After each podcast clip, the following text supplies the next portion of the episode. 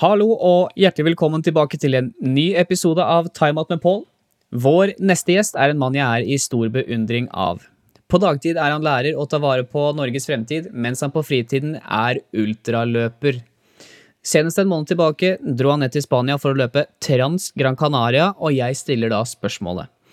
Hvilke variabler må du ta hensyn til, og én ting er at det er slitsomt fysisk, men det er også en psykisk bit inn i bildet. Og hvilke tips er det han har til oss for at både du og jeg kan komme oss opp av sofaen og være aktive? Dette er spørsmål vi blant annet skal gå under huden på. Så uten videre introduksjon, la meg presentere vår neste gjest, Askild Vatnbakk Larsen.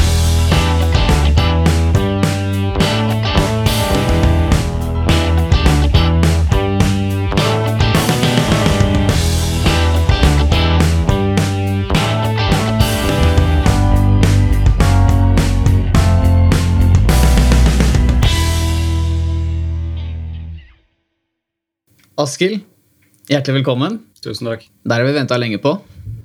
Venta, um, når er det vi planla at vi skulle gjøre det her? Var det januar, februar eller noe? Tror jeg. Februar? Januar? Noe rundt der. Det har skjedd ting siden da. da. Ja. Hvordan um, Trenger ikke å nevne hva, men uh, hint, hint. Jeg tror alle fleste hva, vet hva vi, vi snakker om. Hvordan har du takla tida den siste? Eh, det går ganske bra.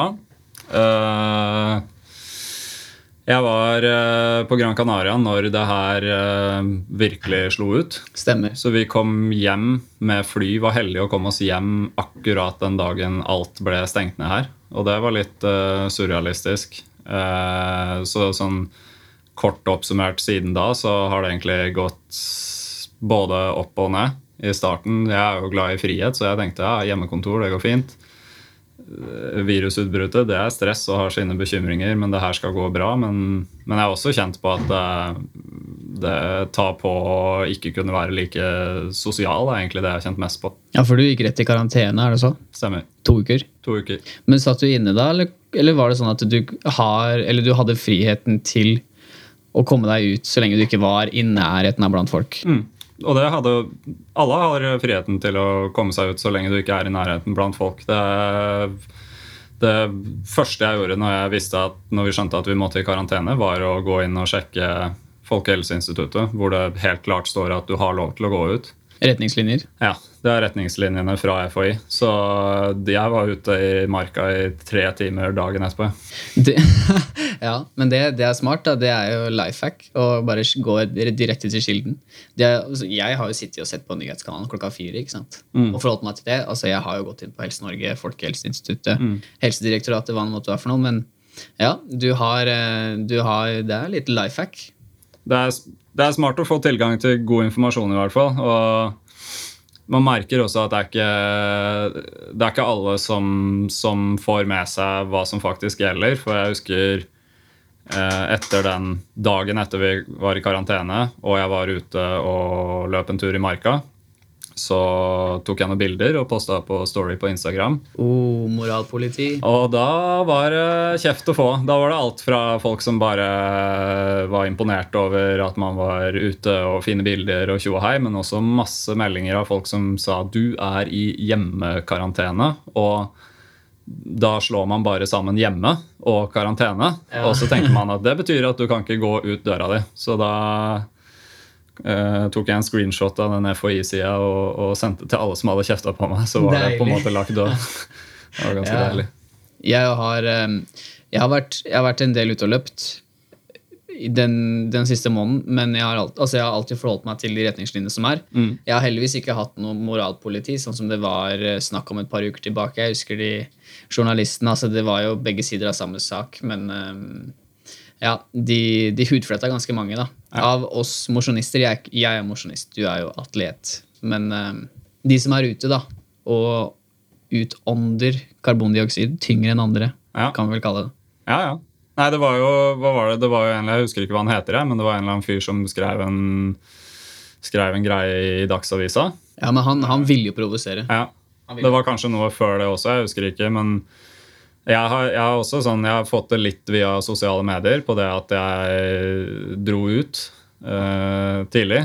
Uh, men jeg har heller ikke opplevd Jeg syns det mediebildet er mye dystrere i forhold til hvordan folk behandler hverandre i forhold til det jeg har opplevd. Da. Jeg har heller aldri opplevd at noen har kjefta på meg ute eller de tingene der jeg, tror jeg, jeg, tror det er én gang jeg, i løpet av den perioden her at jeg sykla forbi en fyr, og så sa han at uh, jeg burde holde bedre avstand. Men det er helt greit. Folk er bekymra, tenker jeg. da. Oppi alt det her så syns jeg egentlig jeg ville gitt kudos til alle fremmede og kompiser jeg møter for å takle den situasjonen her veldig bra. Jeg syns folk behandler hverandre helt fint. Ja.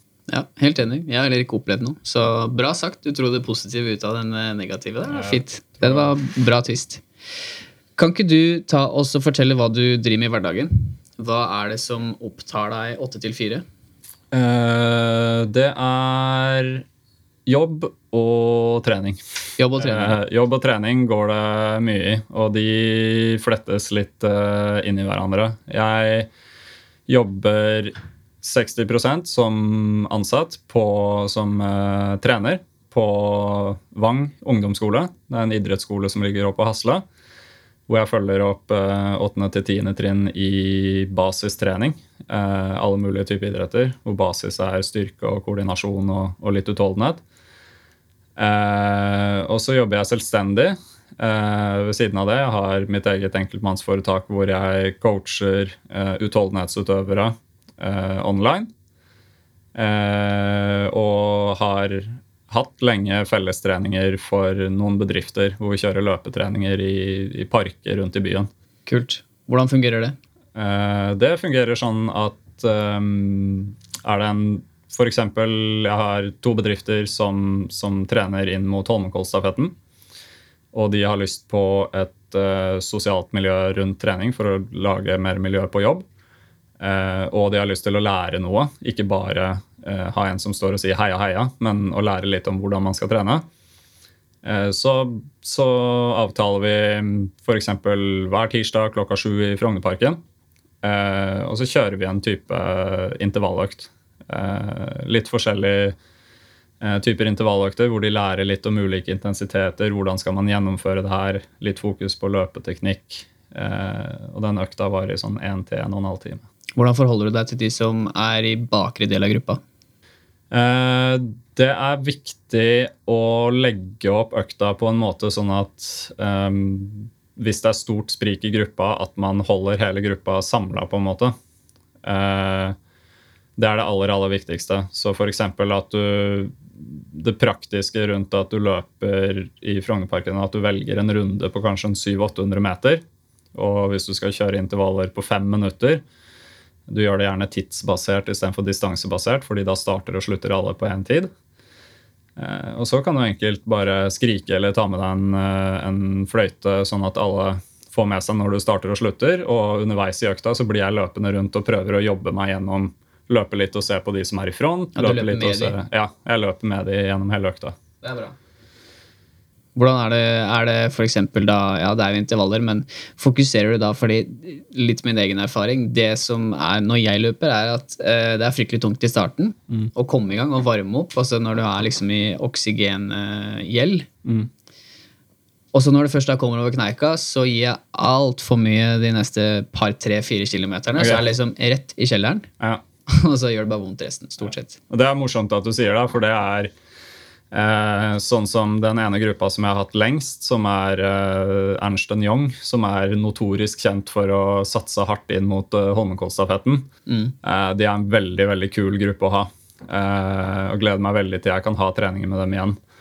Eh, for der er det veldig stort sprik mellom folk, men de har også de har så konkurranseinstinkt at de gjør akkurat sånn som du sier. da. Ja. Det er sånn, Si at vi skal kjøre en type intervall, og jeg ikke har sagt noe i forkant, så knaller de på fra første drag. Og mange av dem er i veldig god form, så de holder hele økta, men de drar alle de andre med seg ja. på den harde starten. Så jeg tror vi har fokusert lenge på å få folk til å klare å åpne kontrollert, og så avslutte hardere til slutt. da. Ja. For, å få, for å få en bedre effekt av økta det er veldig ofte man blir på en måte oppdratt til at uh, man hører liksom 'no pain, no gain'. Altså det må gjøre vondt for at det skal ha noe effekt.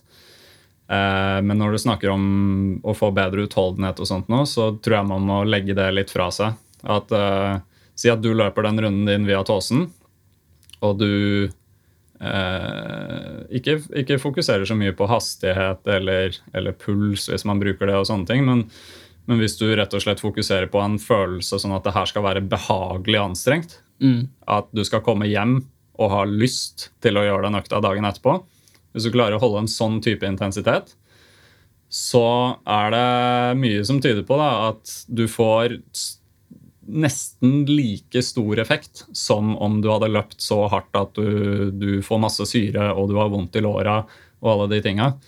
Så det er, det er, ofte det at man må ta det litt ned.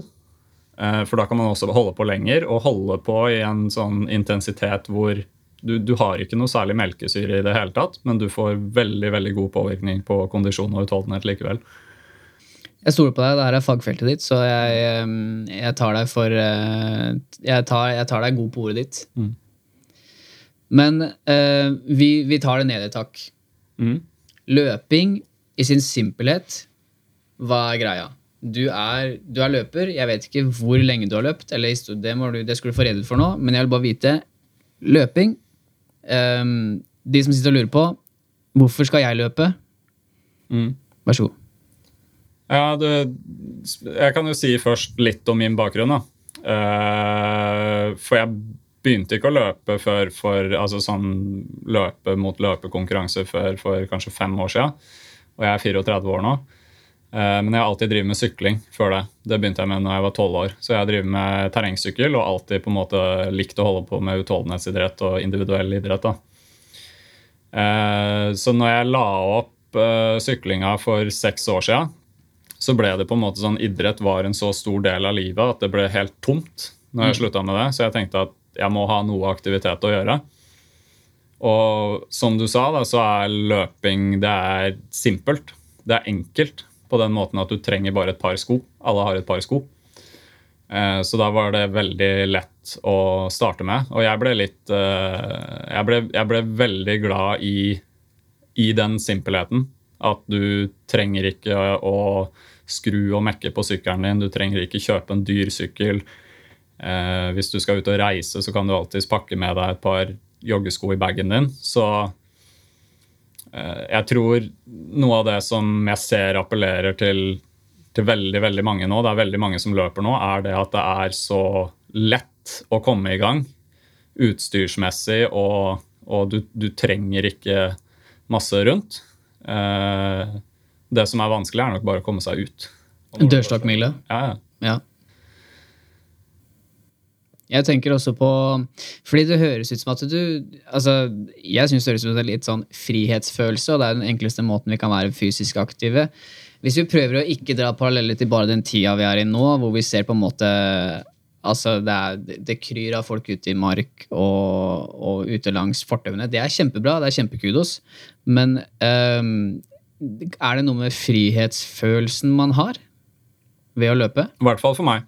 Uh, det, det, det, var det samme med sykling for min del. Det var uh, ta det først, og det har bare videreført seg til, til løpinga. Jeg husker jeg fikk min første liksom eh, ålreit uh, terrengsykkel når jeg var en sånn 11-12 år.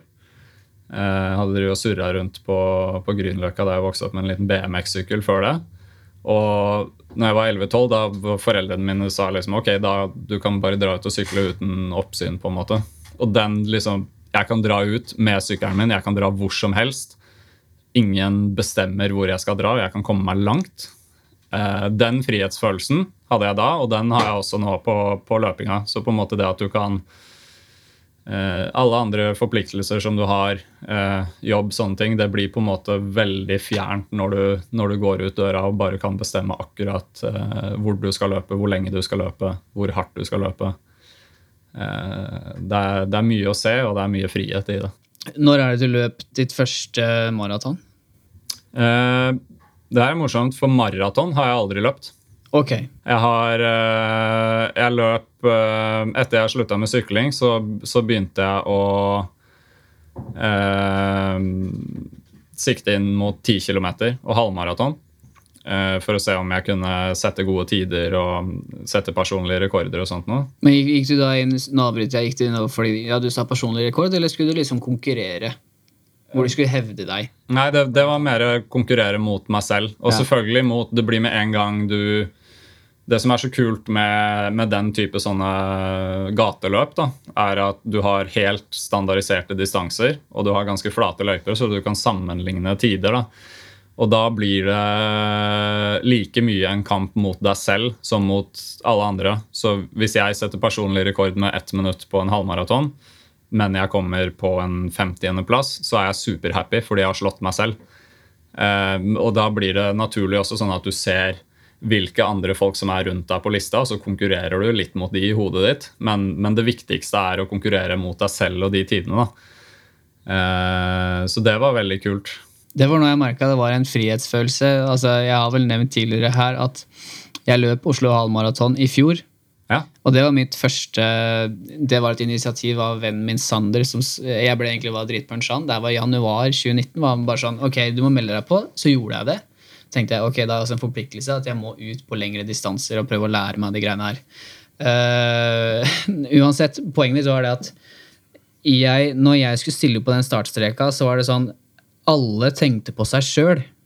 Og ingen brydde seg om hva sidemannen hadde på seg, eller hva den gjorde, eller hva den spiste, eller hva den hørte på av musikk, eller hvilken plass du hadde på. Det var alle mann for seg sjøl, det, det, var, ikke noe, det var ikke noe vinne og tape. Det var kun deg selv i sentrum, og det var sjukt digg, altså. Det er veldig kult, og det ak akkurat den der med at du konkurrerer mot deg selv. Det gjør også at eh, Min opplevelse er sånn løpemiljøet er veldig raust. Det er veldig inkluderende også. Så selv om folk er litt sånn i sånn egen boble i løp, så er det sånn hvis du, du havner ofte i litt sånn grupper, da. Så si at du, du løper i en gruppe på, på ti mann og, og noen damer i, i et løp.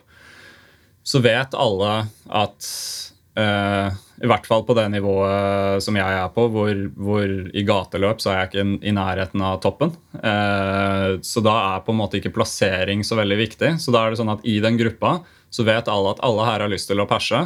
Så det blir veldig sånn, Man oppmuntrer hverandre, man bytter på å sette tempo hvis, hvis noen er slitne. Og det blir en veldig sånn positiv stemning, da, fordi alle har på en måte noe å vinne på at de andre også løper fortere. For da kan du henge på. Ja. Så den biten er veldig veldig kul med gateløp. Det høres egentlig ut som et sunt konkurransemiljø, hvis vi skal strippe det fra hverandre. det du sier nå. Jeg syns det. Jeg, jeg har blitt veldig glad i løpemiljøet på den måten. Så det var ikke grunnen til at jeg Jeg løp jo gateløp i to sesonger, Ja. cirka. En og en halv, tror jeg. Og Hvilke har du løpt, da, hvis du tar det sånn kjapt? Hvilke har du løpt? Uh, sentrumsløpet. Uh, halvmaraton i Fredrikstad, som er veldig flat og fin. Den er på vårparten. Uh, Oslo halvmaraton. Tror jeg løpt Jo, Hytteplanmila, som er i slutten av oktober, som er en sånn kjent som Norges raskeste 10 km på gateløp. Det var der Jakob Ingebrigtsen sakte norsk rekord i gateløp nå i, i fjor. Ok. Eh, ja, det er, vel, det er vel de mest Ja. som jeg har løpt på gata. Oslo Maraton, det, det er et sjukt fint løp. Mm. Jeg oppfordrer alle altså Man trenger ikke løpe en halv mil eller en mil, altså 10 km, 5 km. Det var sjukt rush å løpe, og du, du ble ikke sliten på samme måten. Mm. Du er aleine i ditt eget hode, men det er så mye glade folk, og det er, eh, det er bare en kjempestemning i to mil. Så du tenker ikke så mye over det, og så er det så mye folk. Men opp Sankthanshaugen, det var vondt. Mm. Ned igjen også. De hadde en jævlig mye bedre løype før. Så. Altså, det er dumt. Før så jeg tror Når jeg løp eh, Oslo halvmaraton, det er ganske mange år siden, tror jeg seks-sju år siden, da hadde de en helt flat og fin løype. Og så har de, og jeg, jeg skjønner det veldig godt, jeg tror det er noe logistikk som gjør at de må putte den opp via Botanisk hage og Sankthanshaugen og sånt noe. Ja. Men løypa har blitt eh, litt mer brutal. med, Ja, det var steinhardt. Ja, ja. Det var, eh, jeg så ut som, som en sliten okse der. Det jeg var, jeg sikla Bjørndalen. Jeg sikla liksom. Grep tak i en sånn der Red Bull-flaske de, jentene drev og helte oppi kopper. Det var grep tak, knerta den og rakk liksom Jeg tenkte jeg må ha energi. Den var liksom rett på, rett på andre siden, på toppen av Sankthanshaugen, når du er på vei ned igjen og skal inn til sentrum. Liksom Bare tar den der, der liksom med Bjørndalen-spyttet hengende så over ansiktet. liksom, Bare knekker den. liksom Orker en halv dråpe, og så er jeg bare Nei, altså, du klarer ikke å drikke nå. pulsen din er altfor høy. Du må fokusere og ikke tryne fordi det er gelé i beina. Så ja, morsom historie. Det pleier å skjære seg med Hvis vi sitter og drikker Ramløsa her nå jeg, det, det, er en ting jeg lærte at Hvis du er på stålet og hvis du er andpusten, så burde du ikke drikke ting med kullsyre. Det er sånn Oi. Eh, jeg husker jeg hadde en eh, Igjen tilbake til sykling. Jeg skal ikke prate for mye om det, men der er det sånn Det var foreldra mine ofte med og og lange flasker underveis. Så Der har du sånne, det du kaller for lange soner hvor de, du, du, kan ta og drikke.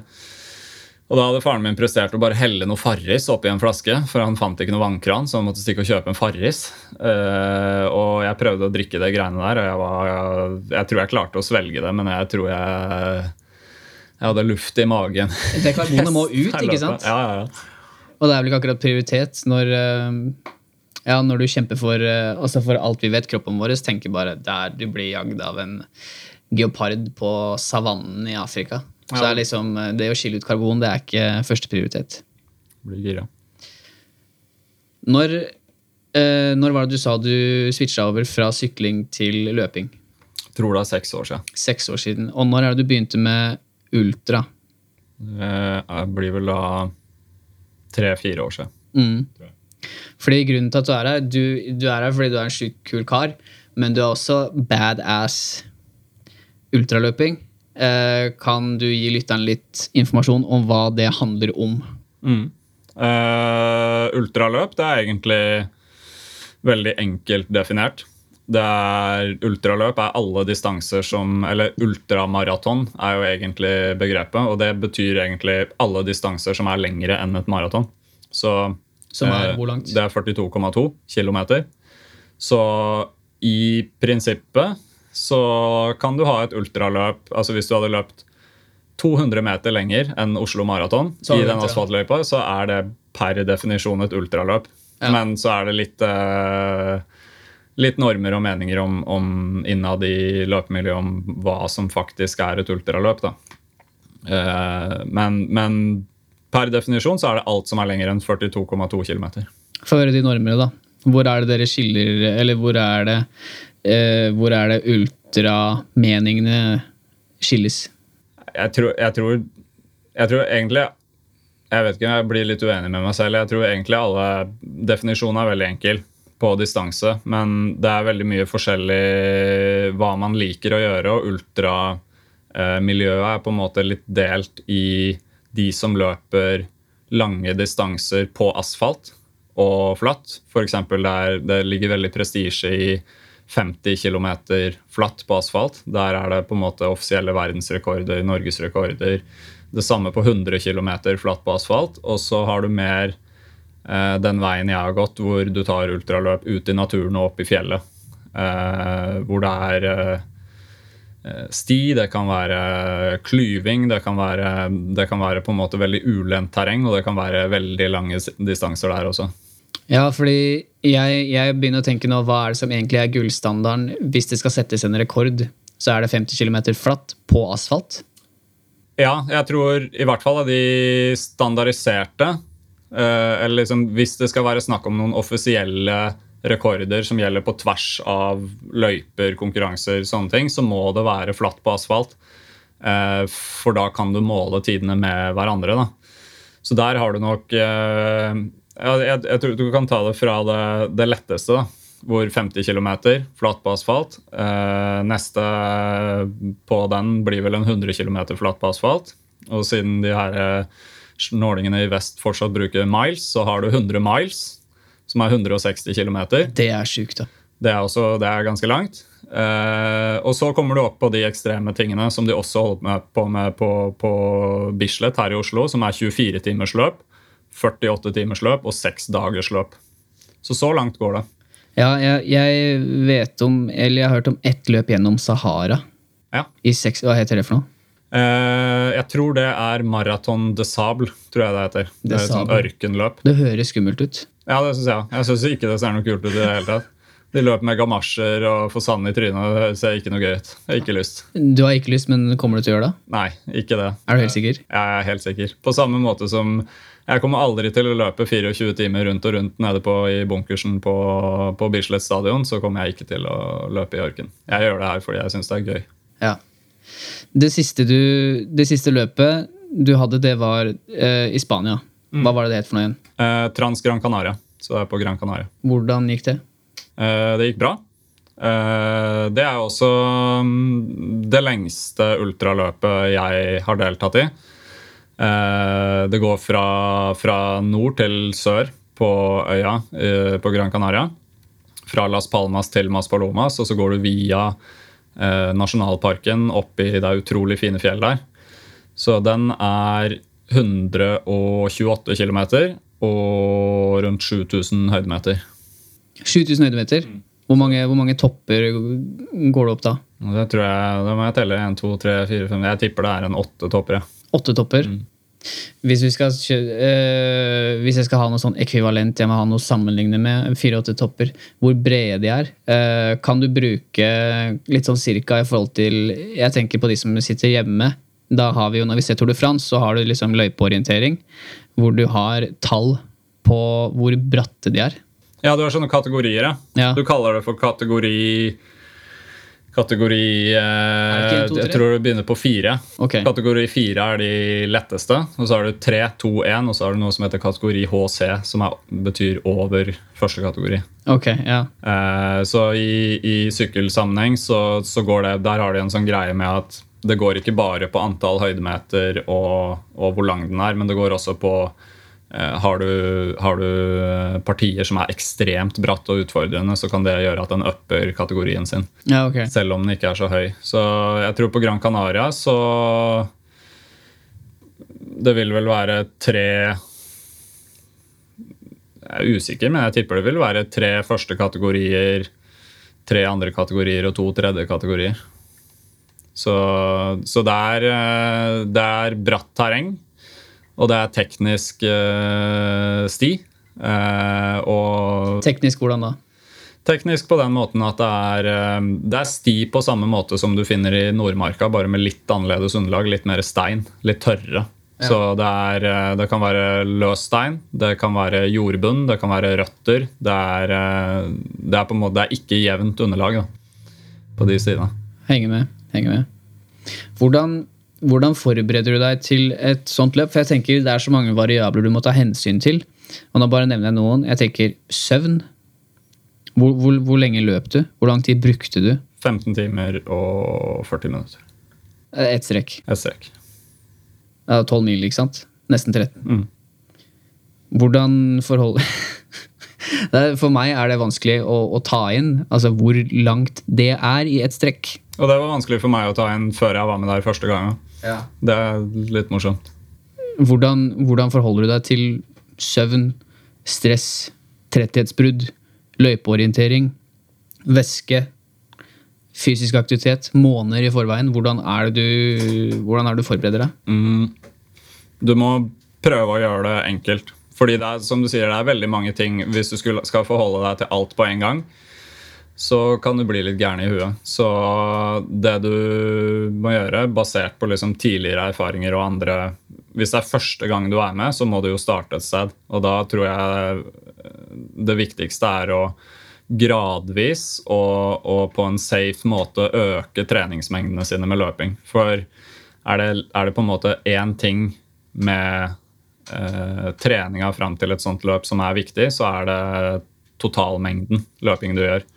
Altså hvilke typer intervaller du kjører, om du trener styrketrening, alle disse detaljene. Det er mye å hente der også, men ingenting av det er viktig hvis du ikke har styr på hvor stor totalbelastninga det er, og om du trener nok for å tåle et sånt løp. Så i månedene før Gran Canaria så mm, Jeg var skada fram til midten av desember, faktisk. Hvor da? Da hadde jeg Jeg ble operert for lyskebrokk i uh, fjor høst. Uh, det var ganske kjapp rehab-tid. Da var jeg ute og sykla igjen allerede to uker etter operasjonen. Uh, og så fikk jeg en skade i ankelen som jeg er litt usikker Jeg tror det var noe akillesgreie litt under foten, kanskje noe plantarfasitt. Så, så det ble mye alternativ trening fram til midten av desember. Og på en måte holde formen i gang og gi seg selv en sjanse til å komme i form. da. Eh, Fordi det er da jobben gjøres.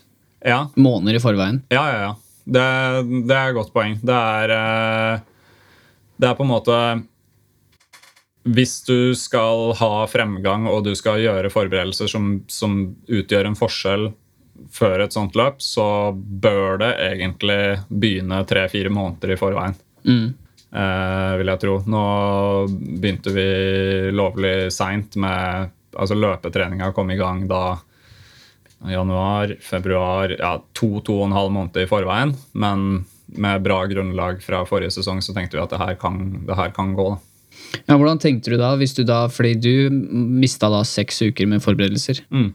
Hvordan måtte du tenke da? I forhold til at ok, nå, nå har jeg tapt den tiden jeg har tapt. Hva er det vi kan gjøre? Eh, Det aller aller viktigste var å i løpet av de seks ukene holde seg i gang med trening med ting man kunne gjøre. Og det handla om å gå på ski, gå på langrenn og sykle. For å på en måte ha et, et bra kondisjon når du først kan starte med løpinga. Aropt grunnlag. Mm. Uh, men så er det det at løping er belastende for muskulaturen til beina på en helt annen måte enn det sykling og ski er. Så du trenger det grunnlaget med, med støt og belastning for å herde muskulaturen. Så fokuset på, på treninga når vi først kunne begynne å løpe, eh, det var å komme seg så raskt som mulig, så trygt som mulig, opp til en treningsmengde på, på en 130 km i uka og en 4000 høydemeter i uka. Så jeg visste at måte hvis jeg kan være der oppe noen uker og eh, gjøre gode økter med god kvalitet, så, så kommer jeg til å være bedre enn før. Hvor mange timer i året snitter du da, tror du? Det har jeg ingen oversikt over, men jeg, jeg går veldig i bølgedaler. Da. Jeg er ikke sånn som er eh, besatt av at jeg må komme meg ut og trene hver dag. Så jeg er på en måte sånn som nå, under hele koronakrisa hvor det ikke er noen konkurranser, så driver jeg helt lystbetont. Nå er jeg ute og sykler terrengsykkel og leker meg på sti og løper litt her og der. Eh, Så jeg kan ha noen perioder hvor jeg trener fem-seks timer i uka, og så i forberedelsene til Gran Canaria så er vi oppe i opp mot 20 timer i uka. Ja. Så jeg vet ikke. Jeg kanskje ligger på en 600 treningstimer i året, kanskje. Maks. Mer enn mannen i gata uansett. Det er det. det, er det. Men jeg, det, fortsatt så er det mange på en måte i må huske på at jeg, Og jeg veit at det her er på en måte sære greier. Vi, vi holder på Som jeg sa, du er badass. ja, vi holder på langt og lenge, så det er, eh, det er mange i det miljøet som trener mye mer enn en 500-600 timer i uka også. Men um, jeg har alltid hatt en filosofi om at det er, det, er, det er lurt å trene smart foran hardt. At ikke alltid mer er bedre. Vi håper du synes samtalen er interessant. Skulle du være interessert i å høre på mer, er det bare å klikke inn på del to. Snakkes der.